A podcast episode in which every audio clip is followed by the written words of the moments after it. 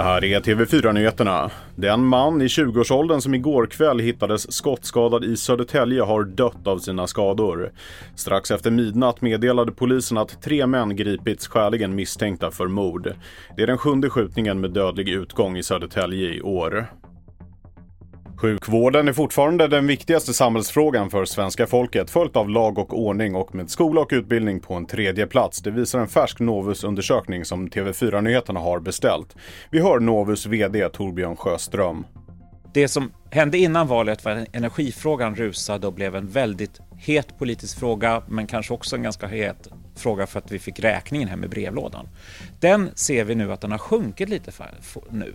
Eh, och det handlar ju nog snarare om att det har blåst ganska mycket, priserna har gått ner, det blev inte den här riktiga katastrofscenariot som målades upp innan valet.